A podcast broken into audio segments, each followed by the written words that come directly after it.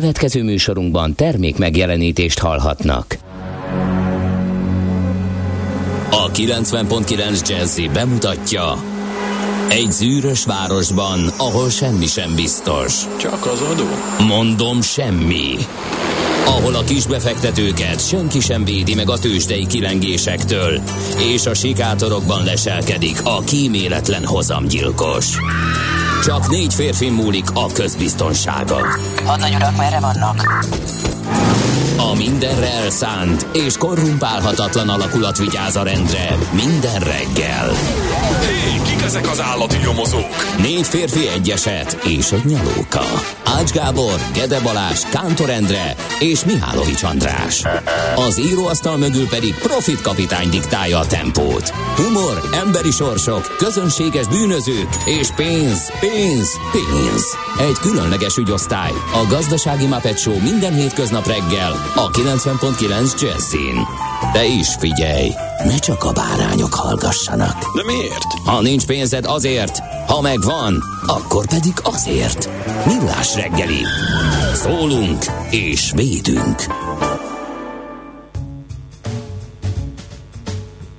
Jó reggelt, jó reggelt, jó reggelt, jó reggelt, meg mindig azért kell ennyiszer jó reggelt kívánom, mert Ács Gábor megtalálja a gombokat, az eltart egy darabig, mert hogy a Millás reggeli, amely a 90.9 Jazzy Rádión hallható, most is, és már tizen pár éve, tíz éve, több mint tíz éve, az így kezdődik, úgyhogy... Nem mindig, de most uh, Seychelles-szigeteki fotót dobott föl nekem a Google, pont amikor bekapcsoltam a gépemet, és... És ez annyira összezavart, hogy... Meglepett, és meredtem, és gondolkodtam, és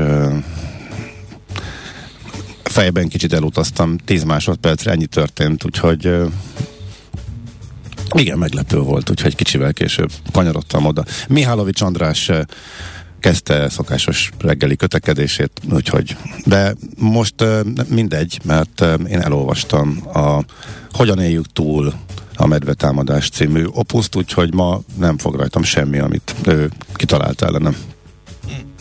A csúcsragadozók egyébként azért e, csúcsragadozók, mert e, annyira változatosan e, tudnak e, idomulni a környezeti változásokhoz, hogy e, nem tűnnek el az evolúciós e, fejlődés hát során, aki... hanem egyre inkább tökére fejlesztik e, a vadász e, módszereiket, úgyhogy én ebben nem kapaszkodnék.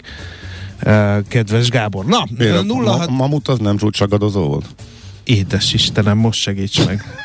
Drága hallgatóink, mindazok, akik értenek egy kicsit a biológiához, most vészvillogóval álljanak már egy félre, egy Ezt fél percet ki. zokogni a mamutot, mint csúcsragadozott. Na mindegy, 0 30 20 10 9 0 9 Jó, akkor a dinók, mindegy. Viber szám. Egy kicsit közelebb Egyre lépek. jobb vagy friszkó. Ne figyelj, hát azért a végére majd mondok valami értelmeset is. Azt írta a hallgató a végére, hát ha addig marad hallgató közönségünk.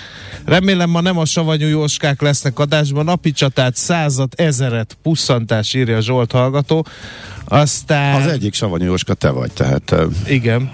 A, aztán optimista jó reggelt kartársa kisebb kiadás után a szokásos időben és útvonalról végre Gödről Pestre indul délkartár, suhan mindenhol a forgalom, a Szerencs utcai lámpát menetből is lehet abszolválni, 21 perc volt Zugló Hermine mezőben a menetút, aztán itt van a lőpapa is nem túl meleg, de kedvező időjárás mellett a rutin bejárása is barátságos, úgyhogy csak optimistán írja lőpapa. Na, jól kezdődik, gyerünk essetek egymásnak, a nép vért akar. Hát én ezt ismerem, ezt, hát ezért választottam ezt a szabad idős tevékenységet, mert valahogy reagálni kellett erre a nép akaratra. Az a baj, hogy a közönség az nem akkora, mint amennyire számít az ember ilyen közállapotok közepette. Mármint te melyik közönség? A... Hát a fellépéseink közönség, ahol jó vér, de azért néha előfordul, hogy az is van. Mi volt a legtöbb ember, a, ami előtt játszott? Hát figyelj, fogalm. tömeg. Um, szerintem az nem itthon volt, hanem Spanyolországban. Ott még a függönyön is lógtak, ahogy szokták volna mondani színházi berkekben. Na jó, most egy iskolai Kalahor, tanteremben. nem, nem, nem, Kalahorrába a főtéren voltunk, kérlek szépen, és hát olyan közönség siker volt, hogy úgy éreztem magam, én is, meg az összes többi ember, mint egy hollywoodi sztár, mert ahogy levonultunk az arénából, a vendéglősök egymás kezéből kapkodtak ki, és tukmáltak bennünket étellel itt, tehát komolyan húzgáltak be a vendéglőkbe. Hogy ide, ide, ide, ide, gyertek be, ide gyertek be. Kijöttünk az egyikbe, jött a másik, húzott befelé, hogy üljünk be egy, csak egy körre, csak egy körre. És hát a hangulat is iszonyú. Tehát a spanyol közönség az nagyon hálás volt, azt kell mondanom, de nem lehet uh, panaszunk a Szavária történelmi karnevál közönségére sem, mert az, ők is nagyon oda teszik magukat évről évre, úgyhogy az a, ez a két libling, ami... Hozzám is eljutott a hír a 26 perces napi csatáról néhány nappal ezelőtt, amely enyhén szólva is megosztotta a hallgató közönséget. Nem volt az 26 perces, azért volt 26 perces, mert te érdeklődéssel fordulsz általában e felé a kántor meg szerepelni akar a rovatban, ez a különbség. És a Kántor mindenképpen bele akarta súvasztani négy percbe, aminek a legnagyobb akadálya ő maga volt, mert belekérdezett, meg akkor kiegészítette az Eisenstein filmmel a Csúttavi csatát, meg a nem tudom micsodát, úgyhogy ilyen felemásra sikerült, az nem volt a legjobb darabja a sorozatnak, holott maga az ütközet egyébként rendkívül érdekes volt, amikor 20 lovag, de most nem kezdem el újra. Szóval ezt uh, egyéni előadásként értékeled, már kérdezni, beleszólni annyira nem szabad, mert akkor az rontja az élvezeti értékét. Uh, ezt bírtam leszűrni az iménti eszmefuttatásból. Nehéz ügy ez, nehéz ügy ez, mert mindig jó, hogyha két hang van, mindig jó, hogyha replikázik a másik, de hogyha ez annyira elhúzza, akkor... Nem meg hát, kell találni igen, a fékeket, persze, és az, a fékeket és az ellensúlyokat meg kell találni igen. ebben is. Tehát nem baj, hogyha köz, sőt, kimondottan uh, szellemileg feltölt, hogyha valaki belekérdez. Szerintem ne, neked is jobbak a fapados rovatait, ha érdemi kérdések vannak. É, persze, persze, én szeretem is. Uh, de, de meg kell találni a, a helyét. Tehát nem az, hogy elkezdem meghal, meghallja, a kántornak az a munkamódszere, mert most nem szídom, csak látom tényleg, hogy így dolgozik. Meghallja, hogy miről van szó, www.google.com csúttavi csata, beüti, és akkor én elkezdem a felállást ismertetni, hogy a keresztes lovagok lemezpáncélban nagyon gazdagok, bezzeg a szemben álló orosz e, druzsinák, gyalogosai, hol keleti, hol nyugati örültek, hogyha volt egy sisakjuk, stb. stb. Majd bejön, hogy azt hallottad, hogy Eisenstein filmjét betiltották a jégmezők lovagjáról? Tehát, hogy érted? És akkor igen, hallottam Endre, azért, mert hogy német ellenes propaganda volt, és a Molotov-Ribbentrop paktum idején. És jó, elkezdem tovább. Tehát ott tartottunk, hogy a lemez páncélos lovagok, majd az Endre, hogy és de utána be, utána egyébként bemutatták, és az egyik legnagyobb orosz filmalkot. Tehát így, érted? És akkor így egy kicsit ilyen zilált lett az egész, és ez persze, hogy nem szórakoztató. Egy, egyébként maga a műfa is megosztó, én ezt pontosan e, tudom. Okay. Tegnap is voltak, nem kellett ahhoz napi csatarovat, hogy eh, meglepő elfordulások, illetve észrevételek érkezzenek a mondat közepén Endrétől tegnap, tehát ez nem, a, nem azt mondom, hogy gyakran, de azért megesik. Jó, oda szerintem mindegyikünktől. Felébredt a házitról, aki azt írja, hogy az ács rendszerint horkolással festi alá a monológod, és ez így tökéletes. Majdnem. Fapados rovathoz lehet... Huha, fapados... Megjött, várj, csak megjött az allergám, és majdnem tudsz Na, mi addig én... Szerint, na, na, so, csak azt akartam mondani, le, le, le, hú, hú, le, nagy nehezen le, hogy jövő héten nem lesz, tehát, hogy, mert hogy jön, jön a ja, nagy, tényleg, nagy péntek, nagy péntek. hogyha valaki kérdezni, akkor hamar tegye. Ráadásul van egy csomó tartozásom, eh, amiket ma mindenképpen, de most fölírtam. Pontok, pontokba szedtem, nem, a fapados rovat, ja. B, béli tartozásom, azokra mindenképp sort kell keríteni, szűk lesz a rovat, úgyhogy érdemes hamar elkezdeni Nekem is lennének kérdéseim, már Akkor feltettem őket. Őket a hallgatók mögé soroljuk természetesen. Hát én is egy hallgató vagyok. Nem. Miért egy író talán nem lehet maga is olvasó? De lehet, de a hallgató first elvjegyében soroljuk be a műsorvezető társak kérdéseit. Jó, na, hát a déneseknek sziporkázzon boldog névnapot kívánunk, ma van ugyanis az ő napjuk, az ő nevük napja, de a DNS-ek, a kis Dentonok, a Juliák, Julillák, Julitták, Walterek, szimpla és dupla vével, valamint a Zsejkék és a Juliettek is ünneplik a nevük napját, őket se felejtsük el meggratulálni. Nemzetközi Róma nap van, úgyhogy erről is meg kell emlékeznünk, illetve nézzük, hogy mi köthető április 8-ához, nem tudom, hogy mondtam-e, hogy az van. Figyelj, a legkedvencebbem az az, hogy 2014 még egyszer, 2014 április 8-án jelentették be, hogy a Windows XP támogatása megszűnik. Feleleveníteném egy heti élményemet.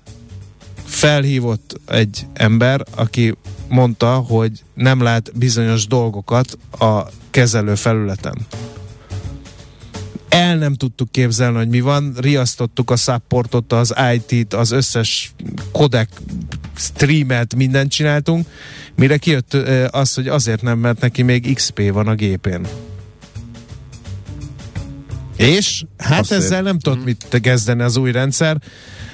Úgyhogy figyelj, hát ez már akárhogy is nézzük, 8 évvel ezelőtt szűnt meg, és még mindig fut valahol. Na! Az a helyet, én nem tudom, mi van a gépemen. Én, én nagyjából az XP-nél vesztettem el a fonalat ezeknél, hogy... Tehát, a, ezen a mostani? Aha. Te tudod? Szerintem neked hetesed van, te szerintem nem mertél frissíteni, megnézem. Hát pont ugyanaz van, mint neked. Ha majd a technikát ráúszik. Hát csodálkoztam. Majd ránézésre egy megnyitott Google file az adásmenetből eh, Mihálovics eh, guru igen. etikus Szerintem hacker András he- megállapítja, hogy... De igen, meg lehet állapítani Jó. egyébként. Na nézzük a születésnaposokat. Isten éltesse minden hallgatót, aki ma ünnepli, és természetesen az ő körét nem kevésbé. 1817. április 8-án született Laborfalvi Róza magyar színésznő, ugye Jókai Mor felesége. Frissített? Tízes. Tízes, frissített Ács Gábor. Nem, nincs én, kilences. Én nem, ha magát frissítette. Nem, magától nem frissített. én biztos, Szerintem a Kántor lefrissített. A nem, Kántort nem engedem hozzányúlni. Mm, igen, Na, Laborfalvi Rózát, tehát megemlítettük, 1932-ben született Antal József, politikus, az MDF első elnöke, 1990 és 1993 között a Magyar Köztársaság miniszter elnöke, tehát ő ma lenne, kérem szépen, egészen pontosan 90 esztendős az első szabadon választott miniszterelnök a szocializmus építésének bukása után. Aztán 1962-es évjáratú Izzy Stradlin, a Guns N' Roses zenésze, nem voltak jóba a fiúk egy jó darab Big Izzy-vel, bár ott munkálkodott az indulásnál, aztán most, amikor voltunk a prágai Guns N' Roses koncerten, természetesen már ott pengetett a fiú a legnagyobb örömömre, úgyhogy nagyon örülök. Isten éltese Isis Rendlint lesz Guns N' Roses zenészként. Természetesen. Hol nem, van a nem. zenészünk? Természetesen nem. Hát nem tudom mi kell ahhoz. 1968-as Patricia Arquette, amerikai színésznő, ő is születésnapját ünnepli. Fehér Gábor Alfred Freddy, magyar énekes műsorvezető kollega is nagy gratulációkat érdemel, ma, bár szemtelenül fiatal, 1990-es a Freddy, és a magyar labdarúgó válogatott oszlop a nagy reménységek Len Heisler László magyar labdarúgó is ünnepel 1994. április 8-án született. Na, hát ezeket tudtam én elmondani mindenki örvendezzék valaki ünnepel, vagy ünnepelt, úgyhogy most megyünk, és szóljon nekik az első zeneszám, tehát a név és születésnaposoknak. Na nézzük, mit ír a magyar sajtó. Uh, világgazdaság címlap, MOL, a MOL járhat jól az OTP-vel kötött részvénycsere ügyleten. A 13 éve gazdát cserélt pakettek ma merőben más piaci áron forognak, ugyanis a jövő héten lesz 13 éve, hogy tulajdonossá vált a MOL az OTP-ben, és vice versa. A részvény csere ügylettel akkor az OTP segítette ki a MOL-t. Ez a tranzakció is kellett ahhoz, hogy sikerüljön az társaság ellenséges felvásárlását megakadályozni. Zárójel, ugye emlékszünk, hogy az OMV szerette volna bekebelezni a Magyar Olajtársaságot, és aztán nagy felzúdulás keltett a versenyhivataltól kezdve mindenki vizsgálta az ügyletet.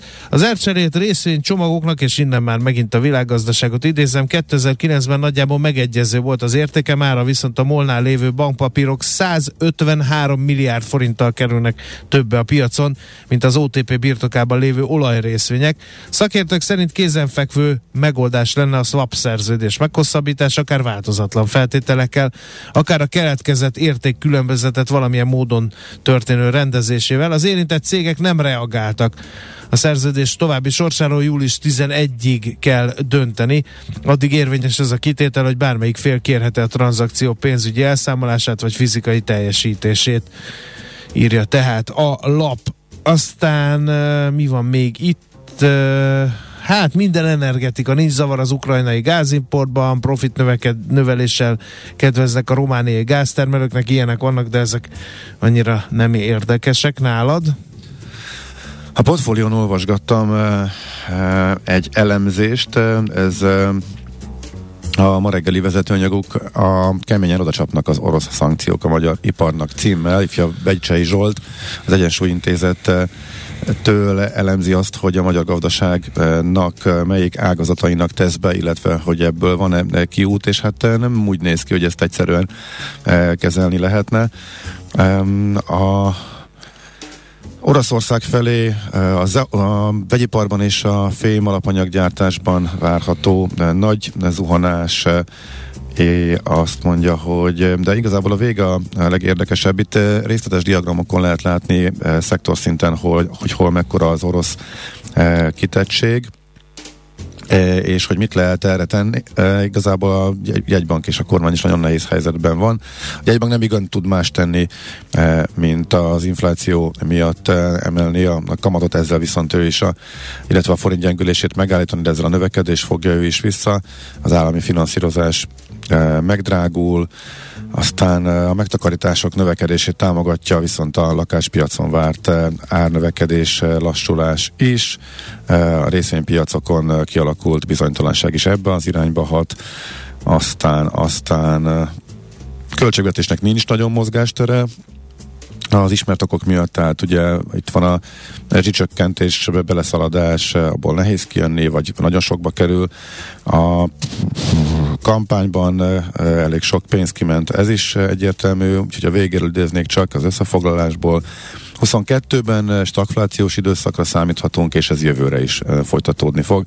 Eddig abban bíztak, a legtöbb szakért abban bízott, hogy ez nem lesz tartós, az idei évben a növekedés az visszaszorul, illetve az évnek a nagyobbik részében nem lesz egyáltalán növekedés.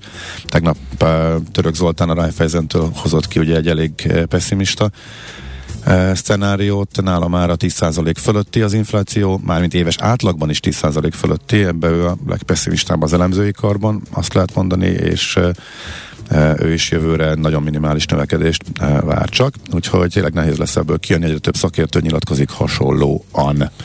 Aztán. Portfólión olvastad, hogy mennyit keres Ernádi Zsolt? Hmm, nem ott olvastam, máshol, máshol olvastam. is elég ez... sok volt, de ők összehasonlították, igen, hogy igen, mennyire igen. kiugró ez az évi 380 millió, azt hiszem, arra emlékszem. Nem, nem, nem kiugró És egyáltalán, egyáltalán nem kiugró igen. nemzetközi szinten, bár ugye magyar szinten ez ilyen elképzelhetetlenül nagynak tűnik, tűnik, de, de mégsem az.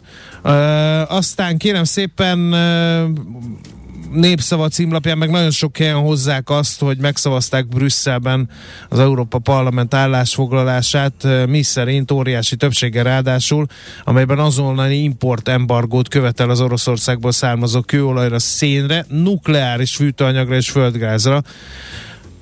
Az állásfoglalást azonban, ahogy a népszava írja, a tagállamoknak nem kötelező figyelembe venniük, ugyanakkor vannak komoly politikai üzenete ennek. Ugyanis a magyar kormánypárt, a Fidesz is megszavazta ezt. A határozat külön kiemeli a Rosszaton Magyarországi beruházásának azonnali leállítását, tehát Paks 2 leállítását, illetve a fegyverszállítást, akár országonkénti fegyverszállítást Ukrajnának, tehát nagyjából mindent, amit, aminek az ellenkezőjével kampányoltak a kormánypártok, azt most megszavaztak, de megszavazták, de igazából az egy dolog, hogy mit ad ki ezzel kapcsolatban, mi van a határozatban, utána ezt azért mm. lehet. Nem, nem, még egyszer, nem, nem kötelező így megcsinálni. Nem kötelező, csak hát, csak hát és az Európa Parlament állásfoglalásának nincs gyakorlati hatása. Igen, igen, igen. Tehát, igen. hogy Ettől mi még mindent csinálhatunk, csak meg, megszavaztunk azt, ha jól értem, Hát megszavazták amit az nem ellen- biztos, hogy fogunk csinálni. Megszavazták az ellenkezőjét, mint amivel Igen. kampányoltak, viszont le, ez még semmit nem jelent arra vonatkozólag, hogy meg fogják-e csinálni, vagy mit fognak Igen. csinálni. Az majd a jövő zené, akkor majd arról beszámolunk. Ö, A legalacsonyabb minőségű, akciósan kínált húsvét és sonka az idén nagyjából ugyanannyiba kerül, mint tavaly. Végre egy jó hír ilyen vágtató infláció mellett, ezt is a népszavába olvasom. A minőségi termékek, na, azok viszont 10-15 százalékkal drágultak. Az élő sertés árában az elmúlt hetekben árrobbanás következett be, két hónap alatt tessék kapaszkodni 60%-os drágulást mértek.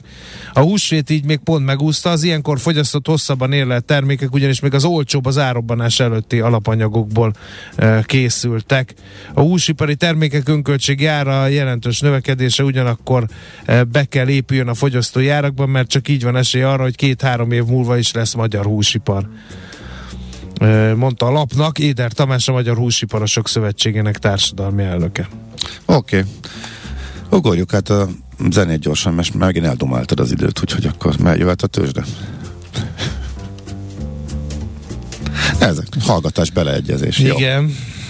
Hol zárt? Hol nyit? Mi a sztori? Mit mutat a csárt? Piacok, árfolyamok, forgalom a világ vezető parketjein és Budapesten. Tősdei helyzetkép következik. Budapesti értéktős, de fél százalékos plusszal beérte, 41.807 ponton zárt. A vezető papírok közül kettő eset, kettő pedig erősödött. A nagyobbik esés a Richterben volt 1,6 százalék fölötti mínusz szedett magára a gyógyszerpapír 6805 forinton kezdi ma a kereskedést. 0,13 század százalékot veszített értékéből a Magyar Telekom papírja 398 forinton zárt.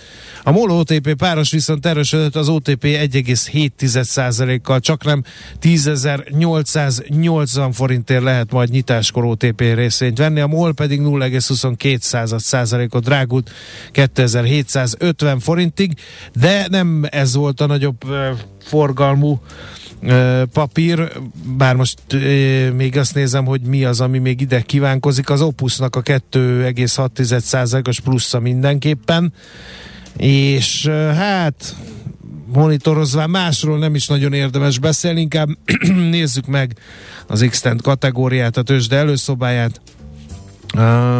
Hát itt nagy forgalomban a következő eredmények születtek. A Cybernek tapsolhattak a befektetők, 9% feletti pluszt hozott össze, és a Poliduct is jó napot zárt, elég nagy forgalomban 16,5%-os plusz került a tickerje mellé. Hát ehhez képest nagy esések nem voltak, a Glosternek volt még értelmezhető forgalomban egy 0,8%-os plusza, a többi már történelem, úgyhogy átadom a szót Ács Gábornak, és kíváncsian várjuk, hogy hagyja helyet a Ríbolyának a műsor testében aki addig belső építészként átrendezi a stúdiót. Hát elpakolja a székére helyezett Amit különböző te trehány tárgyakat. módon- Igen. Igen. Na, mi volt a nemzetközi tőzsdéken? Erre fókuszáljál, ha lehet. Arra fókuszálok, miután megnézem, hogy milyen profin helyezi át a kabátomat. Tehát, hogy én szépen, aha, nagyon-nagyon az nem fog összegyűrődni ott, ez szuper. Na, mit, miről is kell? Ja, tőzsde. A, e, eset, nem, emelkedett. Nem, eset, Vo- nem. eset is, meg emelkedett is, kérlek szépen, attól függ, hogy melyikről beszélünk. Európában még rossz volt a hangulat. E, esett. De A nap elején úgy tűnt, hogy fölmehet. Aztán mégsem ment föl. A Daxli átcsúszott megint negatívba, úgyhogy most az elmúlt napoknak a rossz hangulata folytatódott, lehet mondani. E, A budapesti kis emelkedést azt meg úgy kell értelmezni, hogy az előző napokban, a választás utáni két napon, vagy három napon, nem csak kettő, hogy van, ma van péntek, akkor három. Igen, akkor nagyon rosszul teljesített, és abból jött egy kicsit csak föl. Na, Amerika viszont a végére emelkedett, noha ismét uh, a nap közepéig az előző napoknak a sormintáját követte, tehát szépen esett, és a Nasdaq esett a legnagyobb mértékben, aztán viszont megfordult a végére, volt egy fölfelé korrekció, kerestem az okát, volt-e valami hír, de csak annyit találtam, hogy on no specific news. Tehát semmi se történt, csak belevásárolgattak. Úgy tűnik, hogy nagy volt az esés, és jött egy szükségszerű korrekció, pedig Amit nagyon figyelnek a befektetők, az amerikai hozamok, azok továbbra is emelkedtek, úgyhogy nem változott ez a környezet, az inflációs veszély, meg a Fed, a szigorúbb Fed-től való félelem, de jött egy kis belevásárlás. Ahol volt egy kis, ahol nagyobb belevásárlás volt, az például a HP, amelyről kiderült, hogy maga Warren Buffet úr szállt be, és ez mindig vonza a befektetőket is ráirányítja cégekre a figyelmet. 15%-ot emelkedett a HP részvény, úgyhogy nagyjából ennyit Amerikára. Tőzsdei helyzetkép hangzott el a Millás reggeliben.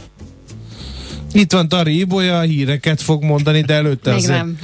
azért, azért fixírozzuk, hogy milyen lelki állapotban van, mert ebből lehet következtetni a most hallható Hogy hírcsokor. milyen hírek lesznek? Igen. Ugyan már. Szerintem nem lehet. Ugyan hogy már. lehetne már? Ez fontos, hogy ne lehessen. Ezt Nem, miért, ezt miért nem lehet. mondod? Nem. nem. Azért, mert ez egy show műsor, és bazi unalmas le mindig ugyanúgy felkonferálni a hírolvasókat. Ezért mondok ilyeneket. Jó, Ezért, akkor jó. ezért mondunk hülyeséget. Jó, Akkor jó, de remélem, hogy Gábor kollégánk elégedett a hajtog, vagy nem, hát hajtogatni nem Hát hajtogattam látod, hogy teljesen... Gábor kollega condrájának teljesen mindegy, hogy milyen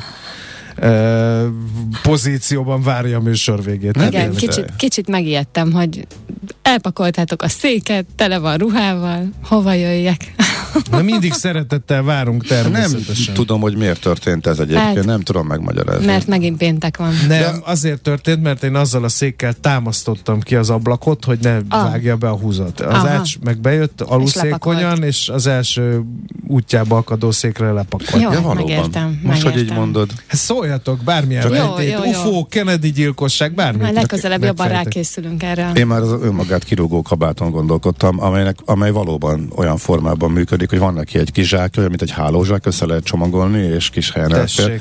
És rendkívül praktikus utazások során, hogyha hidegebb éghajlatról melegebb Tök jó. utazol. Úgyhogy, De akkor ez azt jelenti, hogy legközelebb simán ledobhatom. Igen, így arra Jó, tehát jó, ez Az, ez- azért e- e- ez a megfejtés. Ez volt a lényeg. Ez a Rá is megfejtés. ugrálhatsz, és csinálhatunk egy pikniket.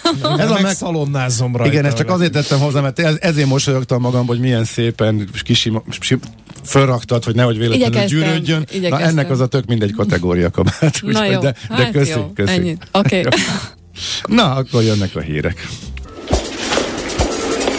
A reggeli rohanásban könnyű szemtől szembe kerülni egy túl szépnek tűnő ajánlattal. Az eredmény krétával körberajzolt tetemes összeg. A tethelyen a gazdasági helyszínelők, a ravasz, az agy és két füles csésze és fejvállalakzat. A lehetetlen küldetés megfejteni a Fibonacci kódot. A jutalom egy bögre rossz kávé és egy olyan hozamgörbe, amilyet még Alonso Mózli sem látott. Millás reggeli, a 90.9 Jazzy Rádió gazdasági mapetsója. Vigyázat! Van rá engedélyünk! A Millás reggeli főtámogatója a Superautomobil KFT, a Schiller Autó család Lexus Pest márka kereskedése Újpesten. Schiller Autó család. Autók szeretettel. Jó reggelt kívánunk, kedves hallgatók! 7 óra 9 perckor folytatjuk a Millás reggeli műsor folyamát itt a 90.9 Jazzy Rádión. Az egyik műsorvezető Ács Gábor. A másik Mihálovics András. No, 0 30 20 10 9 0 9 SMS, WhatsApp és Viber számunk is ez, de mondjunk közlekedési információkat. Budapest legfrissebb közlekedési hírei, itt a 90.9 Jazzy. A Rákóczi út elesett írja egy hallgató, és ennek oka az, hogy baleset történt az Asztóriánál. Kicsit javult a helyzet, mert információink szerint a sérült jármű a Kossuth Lajos utcában az Asztória után van most már de továbbra is lassítja az arra haladást, úgyhogy egy sáv járható arra felé. Nálad, Gábor, valami? Én nem kaptam semmiféle információt. Hát akkor még egy történet talán van. Lombtalanítás kezdődött a 19. kerület, illetve nem kezdődött, már harmadik napja zajlik a 19. kerületben. Most ugye Kispesten a Kossuth utca, Nagykörös út, Rákóczi utca, Adi Endre út által határolt területeken zajlanak a munkálatok. Na, Szokásos helyeken látok lassulást, igazából egy fokkal jobb a helyzet, mint tegnap, tehát az ilyenkor kritikus helyeken, tehát a tízes út, illetve e, M3-as bevezető a nullás után, e, ezek, ezek most is elég lassúak. Várunk információkat továbbra is. Budapest, Budapest, te csodás! Hírek, információk, érdekességek, események Budapestről és környékéről. Hát figyelj, mindenképpen a hírek elejére ez a mérgezés uh-huh. kívánkozik. Ez egészen elképesztő ez a sztori. Mi, mi történt ott pontosan? Mint a mindjárt, mindjárt mondom, uh-huh. hogy mi történt. Hát több olvasó is írt a több orgánumnak, hogy döglenek a halak a Városligeti tóban. Na hát azóta két tó halálományát is elpusztította. Valamilyen mérgező anyag került a vízbe a Városligeti tóban. Nem tudni pontosan most még, hogy hogyan és milyen méreg. A környéken élő kutyasétáltatók kezdtek el megosztani a közösségi oldalakon fényképeket arról, hogy szedik ki a haltetemeket a tóból. A mérgezés miatt, mint utóbb kiderült. Az első információk szerint minden hal elpusztult, ami azért különösen nagy baj, mert a Margit-szigeti japán kertből a Városligeti tóba mentették át a halakat néhány nappal ezelőtt. A Margit-szigeti tavak és az azokat összekötő patak megtisztítása ezekben a hetekben zajlott. A kertészeknek a legnagyobb kihívása halak megmentése volt. Hát nem sokáig tartott sajnos ez a mentőakció. Van összefüggés a kettő között? Mármint a Margit-szigeti nem hiszem. problémák? Vagy a... Nem hiszem. Vagy ott nem is volt probléma, hogy csak áttelepítették őket? Igen, igen, hogy igen, igen, igen. Ja, aha, értem. Le kellett engedni ugyanis a tisztítás idejére a Margit-szigeti ja, japán kert rendszerét, ezért telepítették át a halakat a Városligeti tóba, hogy azok megmeneküljenek. Aha. Szerdán azonban ismeretlen összetételű vegyszer került a Városi, Városligeti tó vizébe, ami kipusztította az összes halat, így a Margit-szigetről ide telepített halakat is. Néhány teknős élte túl a mérgezést, egyelőre nem tudni milyen állapotban vannak, és meg megmaradnak-e. E, úgyhogy hát nem tudom, az Indexnek van egy, egy anyaga erről, még a, tapasztalt kertész sem látott a Városligeti tóhoz hasonló pusztítást, nyilatkozta a lapnak. E, 40-40 szemetes zacskóba csomagolt haltetem feküdt, tehát nem kevés halról van szó. A főkert ZRT az Indexnek azt mondta, az elhullott állatok elszállítását, megsemmisítését a megfelelő jogosultságokkal rendelkező szakcég végezte.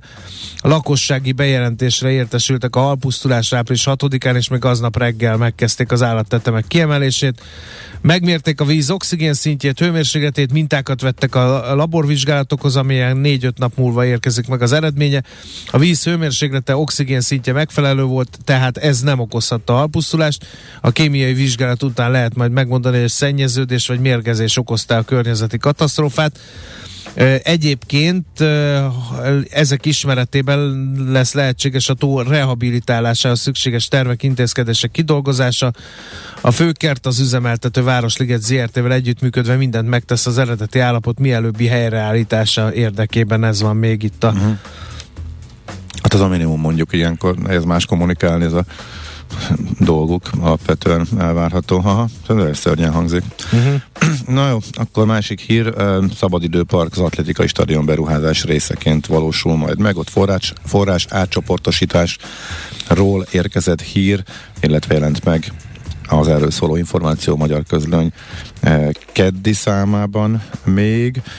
Azt mondja, hogy mi is lesz itt plázs, ökorámpa, az mi? Ökorámpa? Nem tudom. Jó, futópálya, azt értem. Városi gyűrű, az mi, amire így föl kell akaszkodni, és nem. A kültéri fitness, de kültéri fitness centrum és extrém sportpark mászófa. Oké, okay, kellően lassan mondtam ahhoz, hogy ki tudja mondani. Óvoda, játszottél. Kültéri medence, ez azért érdekes, mert a Vituki strand pótlására egy téli-nyári használatú 33 méteres kültéri medence pihenőterülettel és kiszolgáló helységekkel fog megvalósulni, de csak a második ütemben a VB után, tehát a 2023-as atlétikai VB után, amikor is a végleges állapotot e, kialakítják. Kutyafuttató, szabadtéri mozi, szoborpark, ezt értem mind a hármat, hogy micsoda. Jó, úgyhogy nagyjából mm-hmm. ennyi föltették a részletes terveket. Azt hittem a közlekedési híreket fogod mondani, mert hogy a hív közlekedése megváltozik a hétvégén, a H8-as évről van szó. A hétvégén két szakaszon megosztott útvonalon fog közlekedni közlekedni, itt pótlóbuszok szállítják majd az utasokat, erre nem árt figyelni. A H8-as az a Gödöllői év, az Őrsvezértere és Kistarcsa, illetve Mogyorod és Gödöllő közötti szakaszon menetrend szerint jár, a kimaradó szakaszon pedig pótlóbuszok fognak közlekedni. Ez az egyik hír a hétvégére, és egy másik, az meg jó hír. Április 11-től hétfőtől ismét megnyílik a gépjármű forgalom előtt a Pesti alsórakpart. Hétfő reggel 6 órakor ráadásul a Margit híd és az ötös tér közötti teljes útszakasz, valamint mindkét irányba használható lesz a Jane Heining rakpart, a Lánchíd és az Erzsébet híd között. Úgyhogy okay. ezek meg jó hírek voltak. Nekünk a Gellért hegy a Himalája. A Millás reggeli fővárossal és környékével foglalkozó rovata hangzott el. A tőzsde olyan, mint a nyomozás. Majdnem művészet. Kicsit matematika, kicsit sakkozás is. Türelemjáték. Millás reggeli. A Millás reggeli szakmai együttműködő partnere az EMAG webshop áruházak és marketplace üzemeltetője, az Extreme Digital EMAG Kft. Nézzük, hogyan áll a Sberbank ügyfeleknek a kártalanítására fogunk beszélgetni Binder István, a, a Magyar Nemzeti Bank felügyeleti szóvivőjével. Jó reggelt, szervusz! Jó reggelt, szervusztok! No, hogy áll a kártalanítás? Ez az első kérdés ekkora összegű kifizetést ilyen nagy ügyfélkör számára, több mint 60 ezer ügyfélkör számára azonban még nem teljesített. Ez Berbank volt az első, amik, amelynek az esetében 10 munkanap alatt ezt gyakorlatilag hiba nélkül le tudták bonyolítani. Uh, április uh, 5-éig uh, 141,6 milliárd forintnyi kártanítási összeg felett nyitotta meg a rendelkezési lehetőséget a, az OBA, és gyakorlatilag uh, ebből a mm, közel 62 ezer betétes közül 9800 ügyfél esetében nem történt meg a kifizetés, de azért, mert ők még nem jelentkeztek a követelésért. Van még emellett 3000 betétes, amelyiknek a, a helyzete az még tisztázandó, mert hogy elképzelhető, hogy megváltoztatták a nevüket, elköltöztek, valamiért mondjuk hitel, vagy valami végrehajtás miatt zárolták a számlájukat, nekik ezt még tisztázniuk kell, illetve az ő esetükben tisztázni kell, de gyakorlatilag az ügyfelek döntő része az megkapta a pénzét, és ezáltal legtöbbjüknek is le is zárult a történet, hiszen az érintetteknek a döntő része ezer ügyfél kivételével az OBA kifizetésből a teljes követeléséhez hozzájutott. Mekkora összegért nem jelentkeztek eddig? Mennyi áll még benne így? Körülbelül 17 milliárd, bő 17 milliárd hmm. forintról beszélünk. Az nem kevés azért, 10 ezer ügyfél osszuk vissza. Igen, hát pontosan 17,9 milliárd forint. Van köztük olyan, aki nem ment el a postára, ők, mivel ott a postán ugye 10 munkanapig várakozik egy kifizetés vagy egy küldemény, ők most az obához mehetnek. Akinek a takarékbanknál van a pénze különböző fiókokban, 2700 ilyen ügyfél van, ő nekik még egészen jövő év márciusig az adott fiókba lehet elmenni, erről értesítést kaptak, és vannak olyan ügyfelek jellemzően, akik külföldi ö, ö, címmel rendelkeztek, akik mindenképpen utalással kapják, uh-huh. és ö, nekik ö, pedig meg kell adni uh-huh. azt a utalási ö, lehetőséget részben, illetve van olyan, aki szintén még nem vette fel uh-huh. közülük a pénzt. A Mondjad, Gábor. Csak egy gyors, hogy most az Obama pénze mennyire fogyott le? Most kell befizetniük a bankoknak? Vagy hogy áll maga az országos betérbiztosítási alap, amelynek most ez egy óriási kifizetési tétel? Így van, természetesen ezt pótolni kell, és erre meg is vannak a megfelelő csatornák.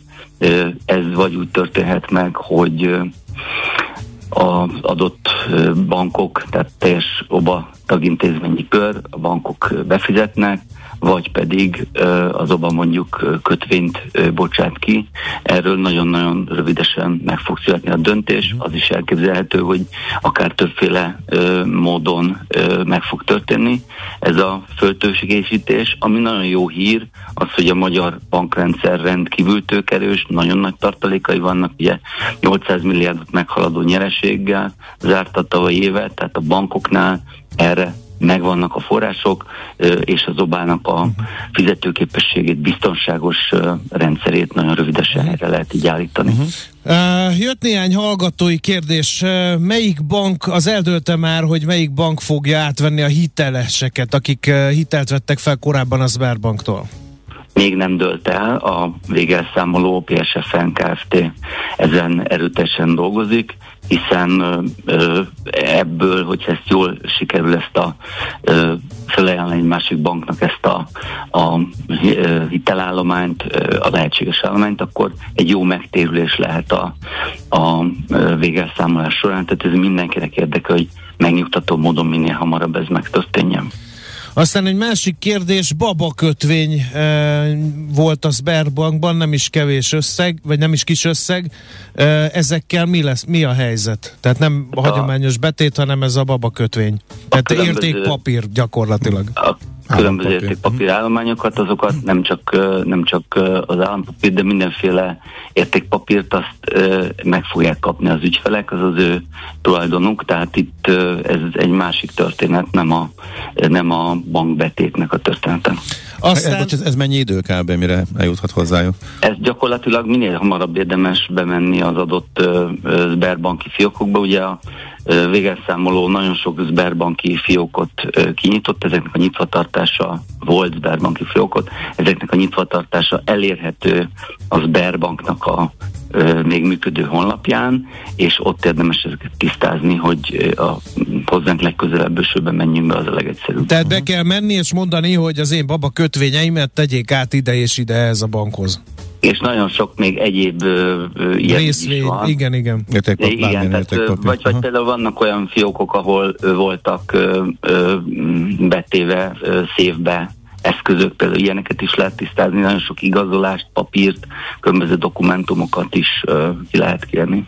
Aztán uh, jött uh, hozzánk több hallgatói jelzés is, uh, értetlenkednek a hallgatók. Ugye magánszemélyeknél, ahogy te is mondtad, a postán kellett uh, uh, átvenni a pénzt.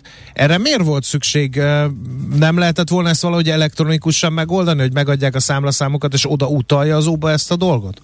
Hát azért ugye van egy olyan ügyfélkör Magyarországon, aki aki nem annyira mm, az elektronikus csatornákat kedveli, koránál fogva, egyéb okoknál fogva, nekik ez egy nagyon jó megoldás volt, hogy 200 ezer forint összeg alatt a postás házhoz is vitte ezt az összeget. A posta azért nagyon sok helyen van az országban, tehát ez viszonylag egyszerűen elérhető, és így gyors volt.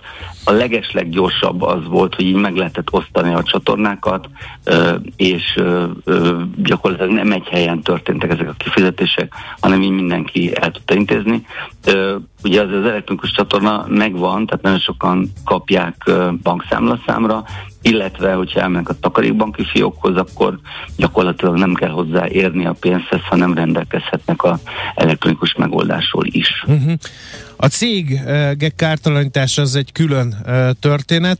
Ott gyakorlatilag rengeteg papírt kellett beszerezni, a, a, ráadásul közjegyzővel, meg 30 napon belül érvényes papírokat, és hát azt is kérdezték, hogy, hogy hát a cég nyilvántartásban minden adat megvan, akkor ezekre a lépésekre, amik megint csak ilyen papírgyárnak tűnnek és bürokratikusnak miért volt szükség? Hát ahhoz, hogy hozzá, nek, tehát az Obának és mindenfélnek az volt a, a legfontosabb, hogy ezt a lehető leggyorsabban ö, tudják megtenni a felek, és azt gondolom, hogy itt most ez mindenkinek az érdeke volt. Kétségtelenül az, hogy a képviselő menjen be, ezt tisztázza ö, az ő jogosultságát, ez egy kicsi ö, hát adminisztrációval járt, Cserébe viszont gyakorlatilag olyan cégeknek, akik kicsi cégek, mikrocégek, nagyon-nagyon fontos volt az a 38 millió forint, napokon belül így hozzá lehetett jutni az összeghez. Szerintem ez Tudom, hogy mindenki, minden ügyfél természetesen bevétlen volt ebbe a történésbe, hiszen a Sberbank jól működött, nem volt semmi probléma vele, és ez mindenkinek egy kicsit ö, többletmunka volt, de cserébe így órák alatt, napok alatt mindenki hozzájutott a pénzéhez. Uh-huh. A takarékbankra is elég komoly terhek hárultak ennek a kártalanítási manővernek a kapcsán, ott bírták a terhelést, a plusz terhelést?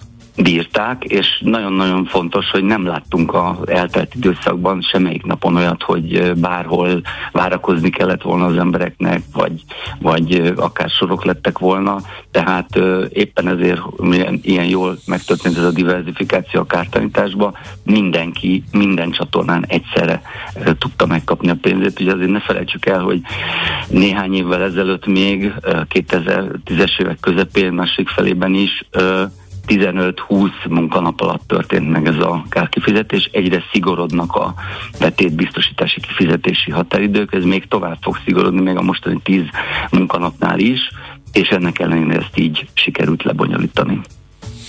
Jó, nagyon szépen köszönjük, és akkor jó munkát kívánunk, utána meg jó hétvégét. Köszönjük nektek is. Szervusz! Szervusztok!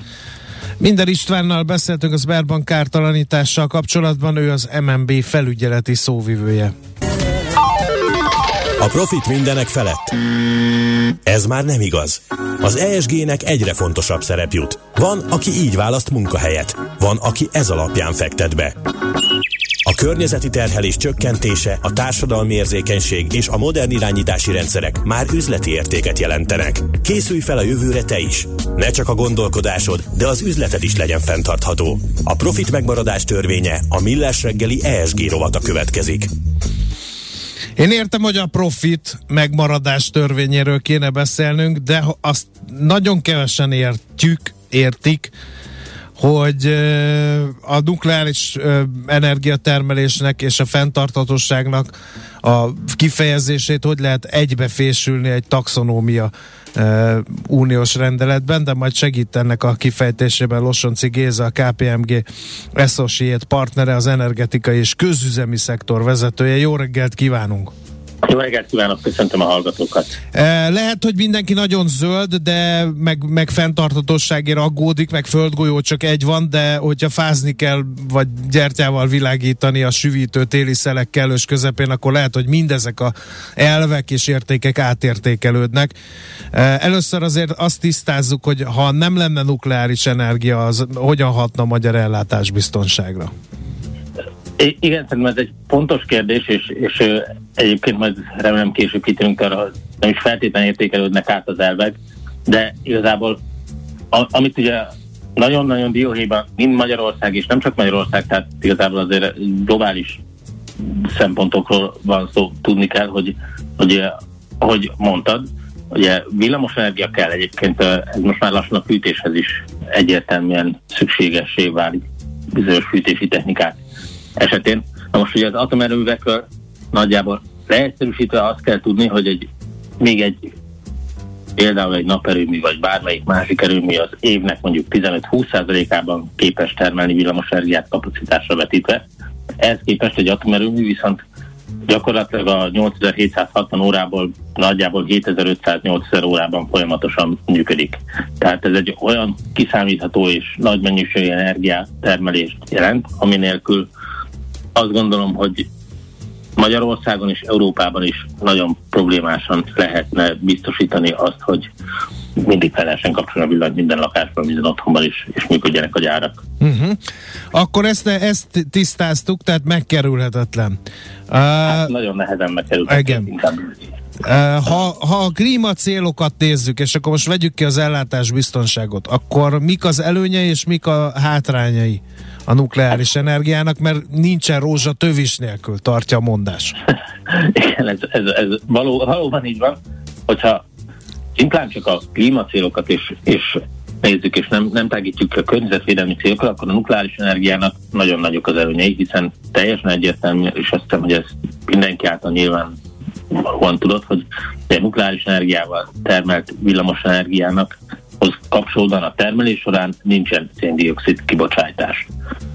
Ha klímacél szempontjából nézzük, azért van valamekkora hátránya, mert az erőműnek az építésekor, az acélnak a legyártásakor, a technológiák, a hatalmas szerkezetek összeállításakor ott, ott ténylegesen azért mégis kerül ki, kerül széndiokszid a levegőbe.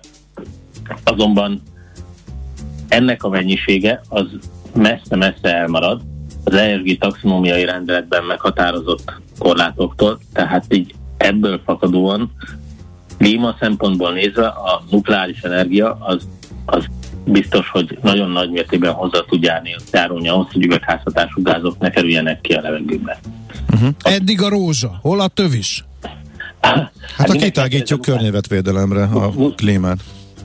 Igen, igen, igen, tehát mindenki megkérdezi a nukleáris energia termelése során, vagy hát felhasználás során, hogy mi fog történni az elhasznált ütőanyagokkal, keletkezett nukleáris hulladékkal. Ez valóban a nukleáris energia felhasználásának beruházási költsége mellett talán a legnagyobb kihívása. Ezen erre azt gondolom, hogy most is vannak megnyugtató megoldások, de például nemrégiben lehetett hallani a hírekben, hogy pont Finnországban most kezdtek hozzá az építésnek egy hosszú távú nukleáris hulladék lerakóhoz.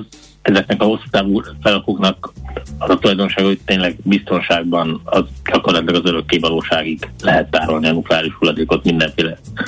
Akár az emberei, de bármilyen környezeti veszély, uh-huh. környezetkárosító veszély nélkül. Akkor most az ESG taxonómia rendelet, akkor most hogy kezeli ezt szűk spektrummal, csak a klímacélokat nézve, vagy tág spektrummal fenntartatóság mellett környezetvédelmi dolgokat is? Egyébként érdekes, mert az ESG-ben pont mind a kettő benne van. Igen, tehát a taxonómia rendeletben megfogalmazott szabályok azok értelmszerűen nevéből fakadóan, mert ez egy eléggé holisztikus megközelítésű világképe utal, tágabb spektrumban vizsgálják, de ezt a tágabb spektrumban azt gondolom, hogy pragmatikusan és a klímacélokhoz illeszkedően olyan szabályok kerülnek, kerültek meghatározásra, amelyek alapján a rendeletnek megfelelően lehet építeni, vagy lehet, uh-huh. lehet fejleszteni nukleáris energiát, és ez egyébként számos forráshoz jutattatja ezeket a fejlesztéseket. Püff neki szegény németek, azok meg bezárták az összeset, ahelyett, hogy megvárták volna ezt a rendeletet. Na, akkor viszont egy másik ö, ö, ilyen energiaipari összetevőt, ö, ezt a földgáz dolgot beszéljük végig. Mert hogy ez meg ugye fosszilis energiahordozó, és az a furcsa paradox helyzet állt elő, hogy a megújuló energiaforrásoknak a terjedésével együtt felértékelődött a szerepe a földgáznak, hiszen ilyen kiegyenlítő szerepet tölt be, hogy amikor nem fúj a szél, hogy most leegyszerűsítsük a kérdést, amikor nem fúj a szél, vagy nem süt a nap, akkor bizony be kell kapcsolni erőműveket, amelyek gázmotoros erőművek, amelyek földgáz használnak. I- igen, igen kicsit, kicsit azért, hogy pontosítsam, amit Nyugodtan, mondtál, én bár, csak ugatom meg, ezt az energetikát. nem, nem, nem akkor kapcsolja be a gáz, gáz, gáztüzelési erőműveket, amik lehetnek motorok is, hogy amikor nem fúj a szél, hanem itt annak van nagy jelentősége, hogy időjárás függő, megújuló kapacitásoknak a termelésének a előrejelzése, szemben mondjuk például a nukleáris erőműveknek a termelésnek az előrejelzésével kiszámítatlan, hiszen egyszer csak bekúszik egy felhő a nap elé, és, és hirtelen akkor visszaesik a termelés, vagy kicsit megfordul a szél, vagy kicsit csökkent. Tehát ilyet az ember tapasztal minden nap életben, és az időjárás kiszámíthatatlan. És ennek a stabilitásnak a tartásában van jelentősége a kiegyenlítő energiának is. Ugye ezt főleg egyébként Magyarországon, meg azokban az országokban, ahol nincsenek nagy hegyek, és nincsenek szivattyús tározós erőművek, vagy olyan szabályozható üzeművek, amik gyorsan tudják pályáztatni a teljesítményüket, ott szinte ezt nem lehet máshogy megoldani, csak földgáztüzelésű kapacitásokkal. Emiatt gyakorlatilag a megújuló, időjárás függő megújuló energiáknak a rendszerbe integrálása az nem képzelhető el praktikusan földgáztüzelési kapacitások nélkül. Uh-huh. Igen, de ez érdekes, mert közben pont a földgázból van most a háború kapcsán hiány, illetve mindenki próbál kevesebb földgázt felhasználni. Igen, ez, ez egy kicsit kitekintés az ESG taxonomia rendeletből, de egyébként magához a szabályozáshoz nem szükséges nagy mennyiségű földgáz. Tehát itt ugye nem arról van uh-huh. szó, hogy, hogy, hogy volumenében nagy mennyiségű villamos energiatermelés történik földgázzal, hanem Aha. rövid időtávra gyorsan bekapcsolható kapacitásra uh-huh. van szükség, ami összességben uh-huh. nem fogyaszt fog gáz, mert kevés ideig működik. Aha, jó, jó, ez fontos. Nagyon, tudni, nagyon érdekes, akkor megint feltenni a kérdést, nagyon érdekes ez az egész ESG taxonomia rendelet, ugye, hogy a, az atomerőműnek a hulladékát ugye nagyon-nagyon sokáig kell nagyon biztonságosan tárolni, ami nem tűnik egy fenntartató megoldásnak, mégis azt mondja, hogy belefér az atomerőmű építés. Mi a helyzet a földgázzal? Mert itt meg ugye fosszilis, amit üldözni kell, mert hogy az ugye szennyezze a bolygót és nem fenntartható, viszont mégis szükség van rá, hogy a megújuló energiá egyáltalán szóba jöhessen. Én azt gondolom, hogy nagyon okosan lettek ehhez a szabályok meghatározva, hogy a, a, föld, a földgáz kapcsán, hogy ezeket a célokat szolgálják. Itt két paramétert határoztak meg valamelyiknek megfelelése már kompatibilisát teszi a földgáztüzési taxonómiává. Az egyik paraméternek akkor tud egy földgáztüzési erőmű megfelelni, hogyha kapcsoltan termel hőt és villamos energiát, mert energiára vetített kibocsátást mér, vagy pedig mondjuk például hidrogént használ fel földgázzal uh-huh. együtt, így ugye részben bocsát ki széndiokszidot. Másik paraméter teljesítménye is évre vetítve határozza meg a kibocsátást, ezt pedig akkor tudják a földgázfűzési kapacitások teljesíteni, hogyha kevés óra számban működnek, ami praktikusan pontosan megfelel annak a célnak, hogy kiegyenlítő energiát tudjanak előállítani a megújuló időjárás függő megújuló kapacitások mellé. Uh-huh. Hát, akkor innen szép tovább falazni ezt a megújuló dolgot, meg az atomerőmű dolgot. Nagyon szépen köszönjük, hogy bepillantást nyerhettünk ebbe a szövevényes ügybe. Köszönöm én is, hogy... Minden jót! Viszontlátásra! Osonci Gézával, a KPMG Associate partnerével, az energetikai és közüzemi szektor vezetőjével váltottunk néhány uh, szót erről a miként lehet a földgáz és a nukleáris energia is fontos a klímacélok elérésében. Környezet, társadalom, irányítás. Gondolkozz az üzletről másképp, hogy a profit hosszú távon is fenntartható legyen. Mert az ESG már üzleti érték. A profit megmaradás törvénye a Millás reggeli ESG rovata hangzott el. Mi a pénteki konklúzió a hét legfontosabb eseményeinek és adatainak tükrében? Zárjuk a pozikat és pihenjünk rá a hétvégére. Milyen események hatnak a piacra a hétfői nyitásban? Devizák, részvények, tőke és árupiacok. Heti események és jövő heti felkészülés. Értékpercek. A millás reggeli treasury rovata következik. Mi a heti konklúzió? Hangzott el az első kérdés, hát az, hogy Ács Gábor a legnagyobb király, Léon, Léon, Lé, mert hogy betette ezt a bronzki beatet nekünk, hála Istennek, és ezzel visszarepített a bohó fiatalságom korába. Köszönöm szépen, Gábor. Azt tudtad, hogy ez mi alapvetően? Vagy csak a Bronski bitre kaptad fel a fejedet? A Bronski Beat meg a Jimmy Somerville hangjára kaptam fel a fejemet, tehát nem jársz messze a valóságtól. Fakik Görsint énekel és operából idéz, de igen, de, oké. Minden, nem figyeltem, jó? csak jó. elmerültem a melódiában, a szabad klasszikus, klasszikus dal feldolgozása igen. végül is, igen. Szóval, na, Csillag Zsigmond az OTP Global Markets osztály vezetője viszont türelmetlenül várja, hogy ne zeneileg, hanem gazdaságilag is foglaljuk össze a hetet. Jó reggelt kívánunk! Jó reggelt, sziasztok! Szia! Ezzel a konklúzióval elég nehéz vitatkozni. Mármint a türelme, türelmetlensége, vagy a bronzki beat A bronzki beat. no, mi volt? Szerintem sokkal nehezebb dolga van annak, aki a, a heti eseményeket szeretné megfejteni, Így és várakozást szeretne megfogalmazni a következő időszakra. Igen, hát a hét eseményei talán Magyarországgal kezdjük, ugye kiderült, hogy kivezeti a következő négy évben Magyarországot, és hát ennek voltak pénz- és tőkepiaci hatásai is. Így van, hogyha áttekintjük az előző hetet, láthatjuk azért, hogy a, makrogazdaság oldalról is elég sok adat érkezett, de, de azért nálunk elhomályosított minden az, hogy mindent az, hogy hétvégén volt, tartottuk a parlamenti választásokat. Aztán a hétfő elég csendesre sikerült, igazából azért, mert olyan nagyon nagy meglepetés nem érte a befektetőket ezen a, a, a téren. Ugye kettő aztán beindultak a, a, a, a hírek. A, megindította a, a, ugye az Unió ellenünk a, a, a kötelezettségszegési eljárást, és, és utána szerdán pedig a miniszterelnök úr tartott egy nemzetközi sajtótájékoztatót, és elég hevesen reagáltak rá a, a hazai részvények, és elsősorban a, a hazai fizetőeszköz, a magyar forint. Egy elég alul teljesítő héten vagyunk túl, hogyha a magyar eszközöket nézzük. Uh-huh. Uh, egyébként mi, mi baja a piacnak? Mert azt szokták mondani a közgazdaságtan könyvekben, hogy az állandóságot szereti a piac. Hát most állandóság van egy ideje Magyarországon. Politikai szempontból igen, állandóság van, de hogyha megnézzük a, Magyarország politikai helyzetét most a nagyvilágban, akkor azért azt láthatjuk, hogy elég sok a kérdőjel, és elég nagy a bizonytalanság. És ezt most úgy ezen a héten kiderült, hogy azért a, a, a piaci szereplők így díjazták, hogy, hogy, a, hogy a forint azért egy 2-3 százalékot alul teljesített. Nem csak az euróval szemben egyébként, hanem a régiós devizákkal szemben is, illetve a magyar eszközök is alul teljesítők voltak, hogyha az európai tőzsdékhez hasonlítjuk őket. Uh-huh. Jó, nézzük, engedjük el ezt a lángoktól ölelt kisországot, és nyissuk egy kicsit tágabbra itt a, a messzelátónkat. Nézzük meg a részvénypiacokat az Egyesült Államokban és az Európai Unióban, mert ott is voltak azért érdekes történések a héten.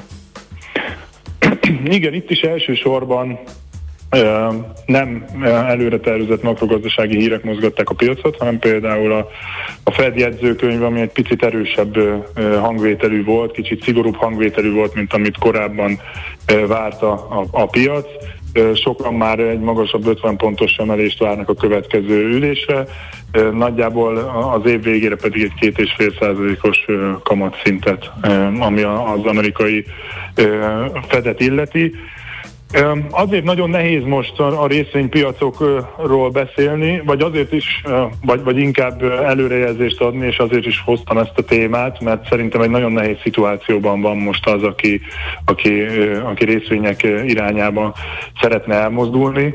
Nagyon sok ellentétes hatás éri most a, a részvénypiacokat. Ugye az előző válság 2020-ban a koronavírus kirobbanása volt, akkor ugye recesszióba lökte a világot, viszont nagyon nagy különbség van az akkori és a mostani helyzet között, ami, ami egy szóval inflációnak tudunk nevezni, és a, és a jegybankok viselkedéséről. Ugye akkor mi történt? Az összes jegybank nullára levágta a kamatot, és rengeteg pénzt pumpált a piacról, főleg a kormányzatok pedig azokat az iparágokat ö, támogatták, akik a legnagyobb ö, ö, problémával néztek szembe a, a válság következtében.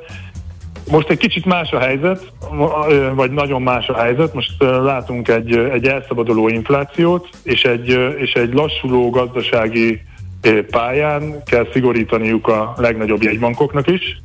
Látszik az, hogy nagyon nehezen teszik meg, hiába van mondjuk 500, vagy hiába várnak idénre 5% feletti inflációt már az eurozónában, vagy 4% fölötti inflációt, az átlagos inflációt az USA-ba, a, a, a kamatszintek jóval elmaradnak. Hiába látunk már most egy óvatos szigorító lépéseket mind a, a, a FED-től, mind pedig a, az LKB-től is várhatóan bekövetkezik, és a, és a kötvénypiaci hozamszintek ezt lereagálva elkezdtek óvatos, óvatosan emelkedni. Azt látjuk, hogy a reál hozamok soha nem voltak ilyen mélyen negatív tartományban, vagy az utóbbi időben nem voltak ilyen mély, mélyen negatív tartományban, mint most, és ez a magas inflációnak köszönhető. Ez az, ami miatt szerintem nagyon nehéz most a, a, a részvénypiacsal tervezni. Látszik az, hogy például az USA piacok csúcs közelben vannak, de azért az idejében már inkább egy ilyen, egy, egy ilyen áld, kicsi korrekció, visszapattanás, áldogálás jellemző, tehát nincsen egyértelmű irány a, a, az európai indexek pedig, pedig inkább azért lefelé vették az irányt, de azt látjuk, hogy, hogy, hogy, hogy a jegybanki pénzek kezdenek elfogyni, ez a mesterséges pumpálása a piacnak ez megszűnik. Egy dolog van, én azt gondolom, ami az európai részvénypiacra pozitívan hathat, és itt nem szabad elfelejteni egyébként még az ukrán, a rossz ukrán fegyveres konfliktusnak a hosszú távú és rövid távú hatásait sem az az, hogy, az az, hogy ez a negatív reál hozam, ez hosszú távon fennmaradhat a, a piacon.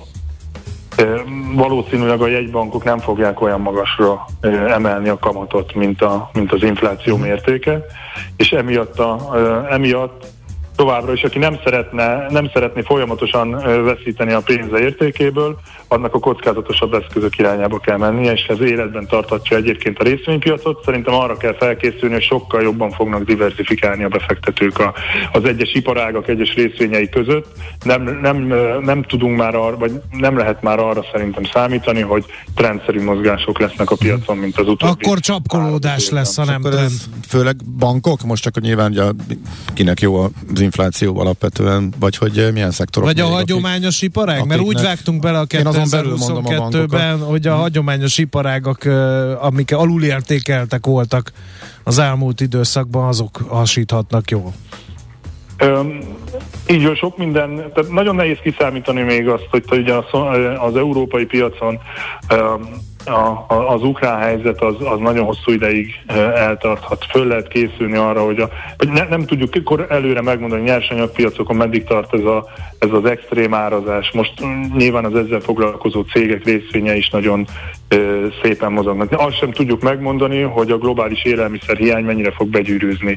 Nem tudjuk a, az időtávokat egyenlőre belőni, ö, hogy a hogy, hogy mikorra rendeződik ez a, a helyzet. A másik pedig az, ami a, ami a jegybankok óvatosságát szerintem, a nagy jegybankok óvatosságát szerintem mozgatja, vagy, vagy, vagy indokolja, az az, hogy ezt a típusú inflációt, amit most látunk a, a, a világban, nem feltétlenül a jegybankok fogják tudni megoldani. Tehát az, hogy az, hogy az energiaárak ilyen magasak, az, hogy a szállítási láncok ö, nem jöttek még helyre, hogy nyersanyag hiány Mhm. van.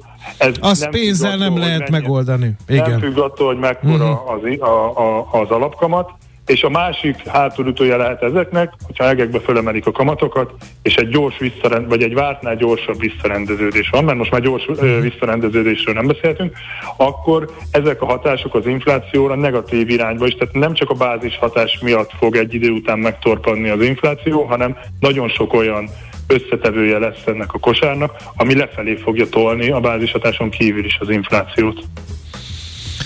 Hát akkor kapaszkodjunk, és főzzünk jó sok kamilla teát, hogy borogassuk a szemünket, hogy ne begyulladjon attól, amit látni fogunk. Így van, én azt gondolom, hogy rö- nem, nagyon nehéz most hosszú távra tervezni a tőkepiacokon, rövid távú befektetésekben kell gondolkozni, és a hétvégére pedig el kell menni pihenni mindenképpen.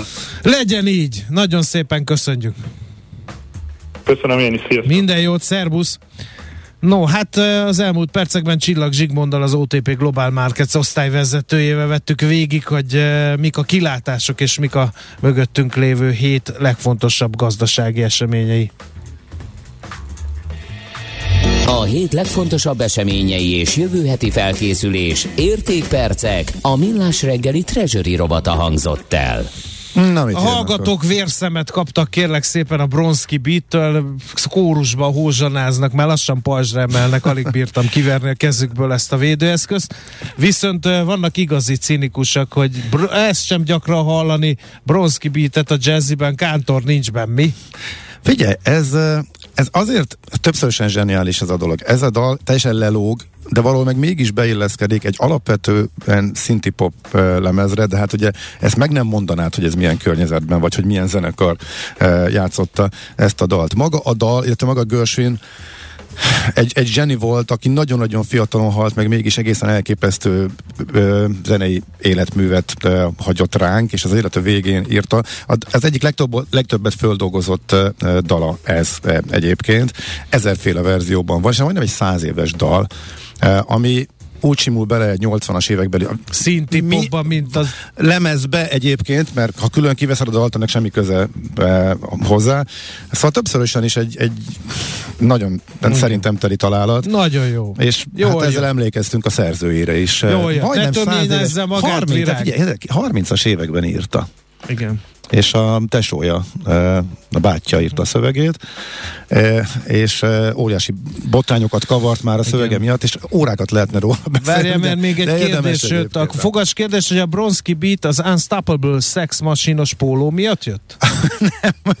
Nem, az egy, az egy másik zenekar, az, az, az már egy 90-es évek végi egyik kedvenc zenekaromra visszautaló póló, aki, ahogy öregszik az ember egyre, az egyik klasszikus lemezborítójukat update az évszámmal, tehát én most már az 50-eset kaptam meg a szülinapomra tesómtól, akivel jártunk az ő koncertjeikre, úgyhogy Igen. ez egy, ez egy, ez egy más jellegű. Aztán írja a hallgató, hogy a Kamilla teás borogatás szemre sok esetben ellenjavalt, nem figyelt a kedves hallgató, mondom, nehogy begyulladjon a szemünk attól, amit látunk a pénz- és tőkepiacokon, a szemgyulladásra pedig igenis javalt a Kamilla teás borogatás.